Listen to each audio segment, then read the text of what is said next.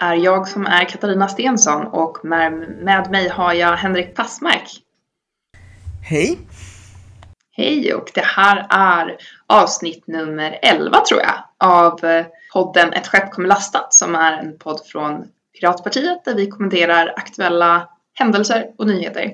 Och idag har vi ett ganska intressant tema tycker vi såklart. Vi är ju lite extra fästa vid allt som har med upphovsrätt att göra och även demokrati och yttrandefrihet. Och nu i veckan så föll domen i målet mot Aron Flam kring hans verk Det här är en svensk tiger. Så det hade vi tänkt prata om idag. Precis. Och man kanske ska passa på att nämna det att vi har ju liksom berört och även tittat på, här, på den här frågan från partiets håll i lite olika avseenden. Bland annat så startade vi ju en stöttande insamling för då, ja, där vi samlade in en del pengar som eh, skulle då ha, som vi skulle ha donerat till Aron i händelse av att han blev fälld. Nu blev han ju inte det, vilket vi naturligtvis är mycket glada för. Men jag menar, det här är någonting som vi har eh, både så att säga observerat, bearbetat och eh, tänkt en del kring, eller hur? Ja, absolut. Och jag tror vi skrev en eh, debattart debattartikel kring det här då när själva domen kom i början. Eller när det här inleddes helt enkelt, när åtalet kom. Kanske ska säga bara de där pengarna vi samlade in nu när han inte fälls. Det är inte så att vi stoppar dem i egen ficka utan de kommer gå till att arbeta för ett paradisundantag i svensk upphovsrättslagstiftning. Kanske till och med en motsvarighet till Fair Use som vi har riktigt... Mm. Och det kan vi väl komma tillbaka till lite senare i dagens avsnitt tänker jag. Vad det innebär och, och hur man skulle kunna utforma det och vad man bör faktiskt ha undantag för i upphovsrättslagstiftningen. Men ska vi börja med att gå tillbaka och kolla på lite bakgrund? Vad är det som har hänt? Ja, det tycker jag är lämpligt att göra. Mm. Så nu kommer jag inte ihåg exakt när det var, men det var väl i början av sommaren eller så som eh, helt plötsligt en morgon så dök det upp ett gäng poliser inne hos Aron Flam i hans, eh, han har ju ett eget förlag som jag förstått det. Och beslagtog hela hans lager med eh, böcker av den här boken som han har skrivit och som heter Det här är en svensk tiger. Och anledningen till att de gjorde det var då att eh, det hade kommit in ett åtal mot honom eh, på grund av att han på, på omslaget till den här boken använt sig av en omarbetad version av det klassiska svenska verket En svensk tiger som är den här blå-gulrandiga tigern som användes av försvaret va? i eh, under andra världskriget mm. som propaganda i princip för att försöka få svenskar att ja, hålla tyst eller inte avslöja eh, hemligheter som jag förstått det. Ja, precis. Jag tror lite grann att det finns lite olika uppfattningar om vad den här tigen betydde. En sak är ju som du säger det här med att man ja men säg inte så mycket eftersom varje person är en potentiell spion och fiende. Typ. Men det fanns ju även det som även har diskuterats är ju så att säga att man kanske inte ville att vissa mellanhavanden som man hade under den här perioden, exempelvis relaterat till viss järnmalm, skulle diskuteras. Just det. Så var det ju att man, att eh, vi kanske inte var helt neutrala i kriget som, som man ville ge sken av. Eh, och det är ju just det som den här boken som Flam har skrivit eh, kritiserar. Den diskuterar ju eh, Sveriges agerande under andra världskriget i förhållande till Nazityskland. Då. Eh, och det är ju just därför han har använt en variant av, den här, eh, av det här verket där han har satt på en eh, armbindel med en svastika och eh, den har någon typ av den heilar väl den här tigern också. Ja, det gör den. Ja, så det här, den här boken är ju en, en politisk satir. Men det var tydligen, och det, det, det, man kan ju tycka att det ganska, borde varit ganska tydligt för de flesta att det här var satir. Men eh, tydligen när det här eh, åtalet kom in då så beslutade åklagaren från tydligen Riksenheten om internationell organiserad brottslighet att hela den här upplagan då skulle tas i beslag. Vilket man kan tycka är lite kanske i överkant. Det kan man tycka och det tycker jag också. Jag vet dock att i samma veva så, så frågade jag en jurist som heter Jakob Heidbrink som är docent på Göteborgs universitet om han tyckte liksom att, att beslaget var, alltså att, att det var normalt så att säga i sådana här kontexter. Och det han sa var att att liksom material beslagtas och att man beordrar dess förstörelse är en naturlig konsekvens av upphovsrätten som den är utformad idag. Sen var ju han av uppfattningen att det var helt absurt att det här blev ett, ett mål av det slaget det blev. Um, men, men, men det säger ju någonting om också hur, alltså hur otroligt knepig upphovsrätten blir när, dels när det är så enkelt att kopiera saker. För hur, hur, hur skulle man ha förstört Aron Flams e-böcker till exempel? Nu pratades det mest om de fysiska böckerna, men jag tycker att det är en lika väsentlig poäng ändå. Eller hur? Ja, absolut. Det blir ju intressant och, och eh, gäller det också då bilder av omslaget i, som ju sprids ganska lätt på nätet och så. Det kan man ju fråga sig. Och även om det som du säger, det här är egentligen inte en konstig konsekvens utan en naturlig konsekvens då enligt hur upphovsrätten ser ut. Fast det borde ju då kanske inte ha skett innan en dom hade fallit, kan jag tycka. Nej, det kan man absolut tycka. Sen, jag menar, vi är ju skeptiska till upphovsrätten som det ser ut. Både du och jag ja. och hela vårt parti. Så att eh, hela maskineriet framstår ju som knäppt beroende på jämfört med hur vi skulle önska att det såg ut. Men eh, det är ju en annan sak. Ja, den andra poängen där är väl just det att även om det här är då normalt enligt så som upphovsrätten ser ut så bör det kanske inte vara normalt. Nej, precis. Det är inte normalt på ett sätt som är kondusivt för ett gott samhälle, tycker vi pirater. Precis. Det, det är ganska extremt hur, hur eh, starka konsekvenserna är efter, av brott inom upphovsrättsområdet jämfört med andra brott, till exempel våldsbrott och liknande idag. Du nämnde här tidigare när vi snackade lite inför den här podden så nämnde du att det har fallit ett, eh, en, dom, en annan dom också kring upphovsrätt nyligen mot eh, de som eh, grundade Svefilmer, var det så? Mm, precis. Och det hade lett till fängelse och 14 miljoner i böter eller något sånt. Ja, 14 miljoner i skadestånd. I skadestånd. Mm. Så det är otroligt starka straff för brott som man kan tycka moraliskt inte känns kanske så allvarliga.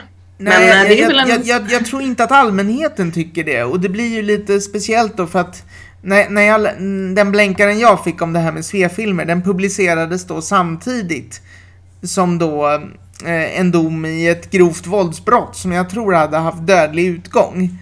Um, mm. Och den, det, det är så att säga skadeståndet som tillmättes där.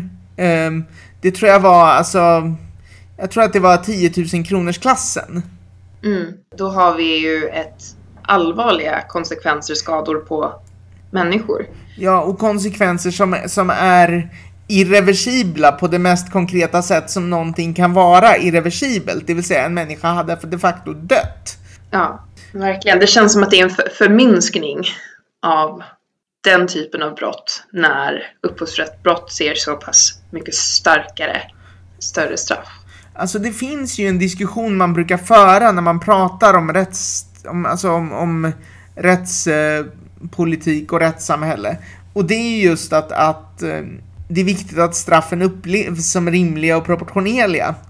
Och jag skulle, det skulle inte förvåna mig om gemene man tycker att det finns en, en stor dissonans mellan hur straffen för den här typen av brott ser ut. Även om jag, mm. även om jag kanske inte ja, tror att det är någonting som gemene man funderar så mycket på om man inte så att säga promptar om att göra det. Men jag tycker att det är, det är en intressant kontrast. Precis. Om man inte sätter de här bredvid varandra så där tydligt. Eh, som du just gjorde. Ja men så är det ju. Men som tur var så kom ju domen i, i häromdagen och den var ju, eh, han blev ju dock in, då inte fälld, han blev friad, Aron Flam. Och det var ju tur och en vinst för yttrandefriheten måste vi ändå säga. Satir är ju ett väldigt viktigt verktyg som vi medborgare har för att kritisera makten och eh, hur makten används. Ja men verkligen. Det är så det är en viktig del av vår kultur att kunna nyttja satiren på det sättet. Alltså det, och det, det är också så gammalt som fenomen. Så att jag, jag, jag tycker att satirundantag och liksom möjligheten att, att använda kultur i satiriska syften, det är otroligt viktigt. Och det är också, tycker jag, lite, alltså en annan trevlig aspekt med den här domen är ju också att man, alltså vill man, så kan man se det som en signal till makten att nej men alltså ni får faktiskt tåla, alltså har man makt måste man också ha lite skinn på näsan att alla inte håller med en. Och att det, och, och man måste tåla mm. den sakliga kritiken mot sin historia och även kanske sina nuvarande idéer. Jag, jag, tyck, jag, jag, jag är glad att det utföll som det, hade, som det gjorde för alternativet hade varit väldigt destruktivt. Ja, Absolut. Alltså i en fungerande de demokrati så måste speciellt den politiska makten kunna ta kritik. Så är det ju. Men några som inte blev glada var ju Beredskapsmuseet mm. som äger den ekonomiska upphovsrätten till det här verket. Då. De påstår, eh, de har skrivit ett inlägg på sin Facebook-sida där de skriver att nu har vi normaliserat användandet av eh, hakkors och naziuniformer som tidigare inte har tillåtits för att det anses vara någon typ av hets mot folkgrupp. Det är deras syn på det hela. De hävdar någon sorts, eh, jag vet inte om de riktigt, eh, om de eh, försöker få det eh, till att de använder sig av den ideella delen av upphovsrätten som, som där det står att man då inte får kränka upphovsmannen. Alltså man får inte använda verket på ett sätt som kränker upphovsmannen. Så jag vet inte om det är det de försöker syfta till i den formuleringen. Nej, jag har faktiskt ingen aning heller. Och jag, ty jag tycker också att det är, det är, en väldigt märklig spin på det hela, för de får det att låta som att det hade att göra med ett, alltså ett hets mot folkgruppmål. Men som jag uppfattade var det aldrig det det handlade om. Det, det är ju Patent och marknadsdomstolen som har fattat beslut. Ja, så är det ju. Och det var ju redan, redan innan den här domen kom så släpp, var de ju tvungna att släppa heter det, ja, själva böckerna. släppa tillbaka böckerna. Eh, för det var redan tidigare någon sorts eh, tillfällig prövning. Jag tror det var Patent och marknadsöverdomstolen som prövade saken och hävdade då att åklagaren inte hade bemött de invändningar som Flam hade, hade gjort. Så att då hävdes beslaget av de här böckerna. Så han har faktiskt fått tillbaka dem redan innan det här. Och, så det verkar ju som att Beredskapsmuseet och jag tror även det ursprungliga upphovsmannens dotter som är de motståndare i det här målet och de, de har då inte kunnat bemöta de invändningar och de motiveringar som Flam gjorde för varför det här skulle vara, lagligt det sätt han använder den här bilden. Mm. Så det verkar ju som att de fortfarande då inte har kunnat komma med någon typ av goda argument för varför den... Nej, de verkar ha haft ganska dåligt med kött på benen. Vilket ju är lite anmärkningsvärt i och med att, äh, heter han Bert Larmqvist, upphovsmannen? Alltså ja, originalkonstnären. Hans dotter har ju, om jag förstår det rätt, äh, hon är jurist, tror jag. Äh, och har drivit en del sådana här mål förut. Mm. Och det... Man kan tycka att då borde man ha lite bättre ordning på vad man går in i, faktiskt. Men uh, I digress. Mm. Ja, och jag tycker också att Beredskapsmuseet i det här fallet, det sätt de skriver då på sin Facebook-sida att de tycker det här åtalet var fel. De är också fel i sak. Det är ju inte alls så att svastikan och andra tecken, alltså andra typer av symboler för Nazityskland inte har använts de senaste, vad blir det, 75 åren de har ju använts i, i, stor utsträckning för just satir. Det är ju inte någonting som, det är inte så att det här är första gången som någon använder det i satir. Jag nämnde det för dig här innan vi satte igång podden. Jag, jag kollade faktiskt här igår kväll på en film som heter Jojo Rabbit som, som just är en satirfilm eh, om andra världskriget och eh, Nazityskland. Och det är ju bara ett exempel av väldigt många. Du nämnde vad heter den? Eh, Diktatorn. Diktatorn ja, och Charlie Chaplin. Det finns ju hur många exempel som helst på när de här symbolerna används i satiriskt syfte. Så att det skulle vara någonting nytt och, och att det skulle vara så att den här domen förändrar hur man ser på användandet av nazisymboler. och att det skulle bli mer accepterat då helt plötsligt. Det är ju inte sant. Nej, och någonting som faktiskt retar mig rätt mycket med det här, det är att man genom att först göra det här till ett upphovsrättsmål, vilket man ju bevisligen gjorde, och sen när, när man då får, när, man då, när det då visar sig att man inte kommer vinna det här, då helt plötsligt försöker man göra någon hets mot folkgruppspin på hela grejen. Och jag menar, jag eh, vet ju, alltså jag har ju lite känsla för vart Flams sympatier ligger politiskt och det, det må väl vara hänt, men det som jag tycker är lite så här ohedligt i den diskussionen som, ja men framförallt det de gör på sin Facebook-sida men även i andra sammanhang. För de, eh, alla som inte håller med om deras Facebook-inlägg i kommentarerna raderar de ju dessutom.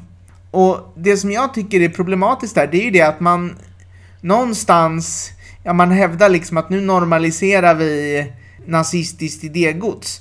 Men vad man, som jag förstår det, vad, vad Flam faktiskt försöker belysa, åtminstone delvis i sin bok, är att under andra världskriget så var, ja men dels svensk politik, men även viss liksom, ja men svensk, den var delvis tyskvänlig. Och jag menar, det där är någonting som man sällan pratar om i Sverige. Alltså de, dels att det fanns mycket sympati för Nazityskland i landet.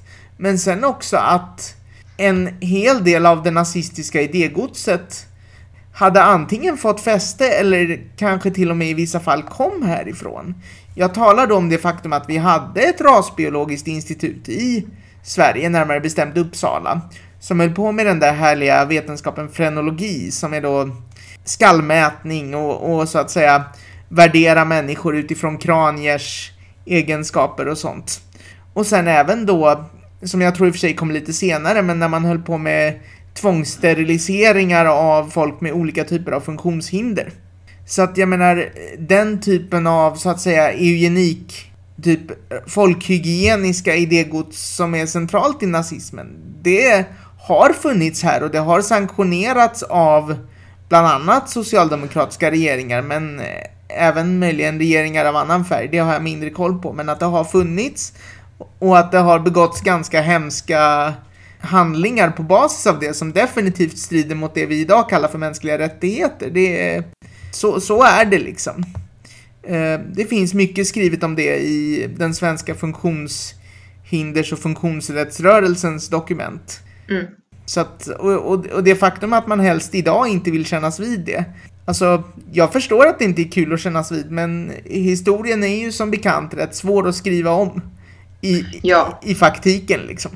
Ja, och vill man göra rätt i nutid och framtid så gäller det att känna till sin historia och eh, prata om vad som blev fel för att kunna göra rätt. Så att eh, ja, ja. Eh, det, är ju, det är alltid fel att försöka gömma och inte vara transparent kring, kring vad som faktiskt sker och vad som faktiskt skett.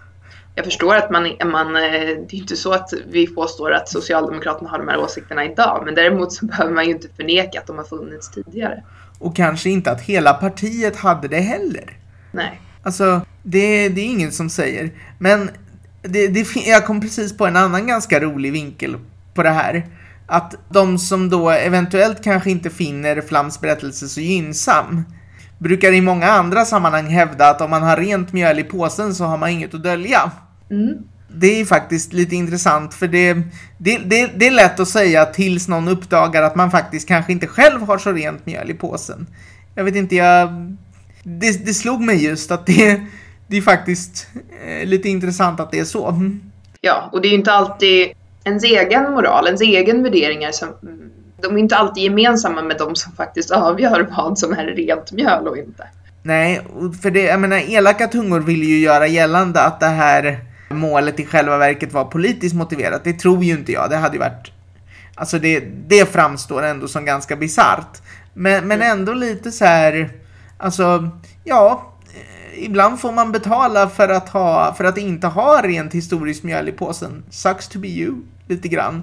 Just för att de här personerna så ofta hävdar att man har minsann inget att dölja. Eller företrädare för de här organisationerna ska sägas. Det är nog så man ska uttrycka det. Mm.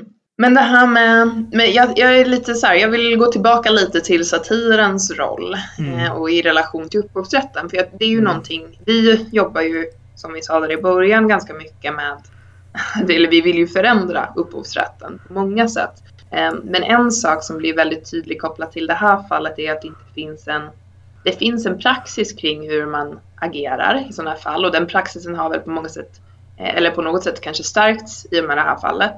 Men det finns inget egentligt i lagen undantag för satir eller andra, andra vad ska man säga, Derivat av verk. Ja, precis. Som, som eh, och för olika undantag också. Det behöver inte vara bara för derivata verk, men undantag i upphovsrätten för olika syften som man kan tycka är, är värt. Det kan till exempel vara nyhetsrapportering också, att man tycker att man borde få använda sig av eh, Eh, ja, en film som visar ett händelseförlopp i nyhetsrapportering. Även om det är en privatperson som har upphovsrätten till exempel, om det är av värde eh, i nyhetsrapporteringen. Det finns den typen av undantag man kan ha för nyhetsrapportering. Det finns undantag man kan ha för, för utbildning och forskning. För att det är viktigt att, att kunskap sprids och att man inte, som sagt, ja, eller att det är för rätt syften. Det finns ju, eh, eller vad nu rätt, rätt syften kanske var fel ord, men för vissa syften kan man tycka att det är rimligt att ha undantag i upphovsrätten. Och där finns ju till exempel i USA en klausul om, om fair use, det vill säga om upphovsrättsskyddade verk används för till exempel då politisk satir, eh, nyhetsrapportering eller utbildning. Det finns några till grunder för fair use. Så anses det inte vara upphovsrättsintrång. Nej, det är ju alltså... Och, och det är ju lite intressant att den här Fair Use-lagstiftningen finns då i USA, men inte här. För att USA brukar ju annars... Alltså, eller framförallt amerikanska företag har ju ofta drivit på för en ganska drakonisk tolkning av upphovsrätten. Ja, men så är det ju. Så det är, det är ju verkligen, vi har en eh, kraftigare inskränkning av, av våra eh, friheter här. Alltså en kraftigare, starkare upphovsrätt i Sverige än vad, vi har, vad det är i USA på det sättet. Mm. Vilket ju är, med tanke på hur till exempel aktörer som Disney har lobbat för en otroligt stark upphovsrätt, så är det lite fascinerande. Mm. Jag är, nu är jag inne här på Wikipedia och läser om fair use, vad det faktiskt står och för syften då. Och där det står är For purposes such as criticism, comment, news reporting, teaching, scholarship or research is not an infringement of copyright. Kritik, kommentering, eh, nyhetsrapportering och utbildning. Eh, Eller forskning. Och jag menar, eh, det är ju ganska, alltså apro- apropå det du precis sa, skulle man transplantera den lagstiftningen hit då, så är det ju så uppenbart att det här skulle falla under kritikundantaget tycker jag. Ja, ja, självklart. Och kanske då satir, men, men liksom, och, och jag menar sen får man väl då, om, om man anser då att någon blir oskäligt så att säga smutskastad i verket, då får man väl hantera det som ett förtalsmål, liksom. Mm. Men det är väl just, alltså det där tänker jag ofta på när liksom, alltså det, och det blir relevant med upphovsrätten tycker jag, för upphovsrätten känns ofta som att den används för att åstadkomma andra juridiska utfall än just upphovsrätt.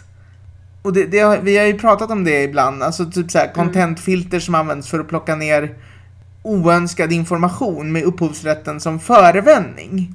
Mm.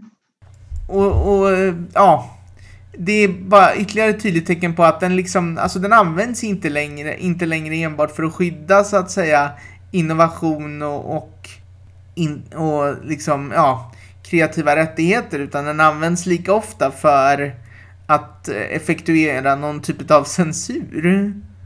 Ja, så är det tyvärr. Så vi argumenterar för starkare undantag i upphovsrätten och en reformerad upphovsrätt generellt Precis. såklart.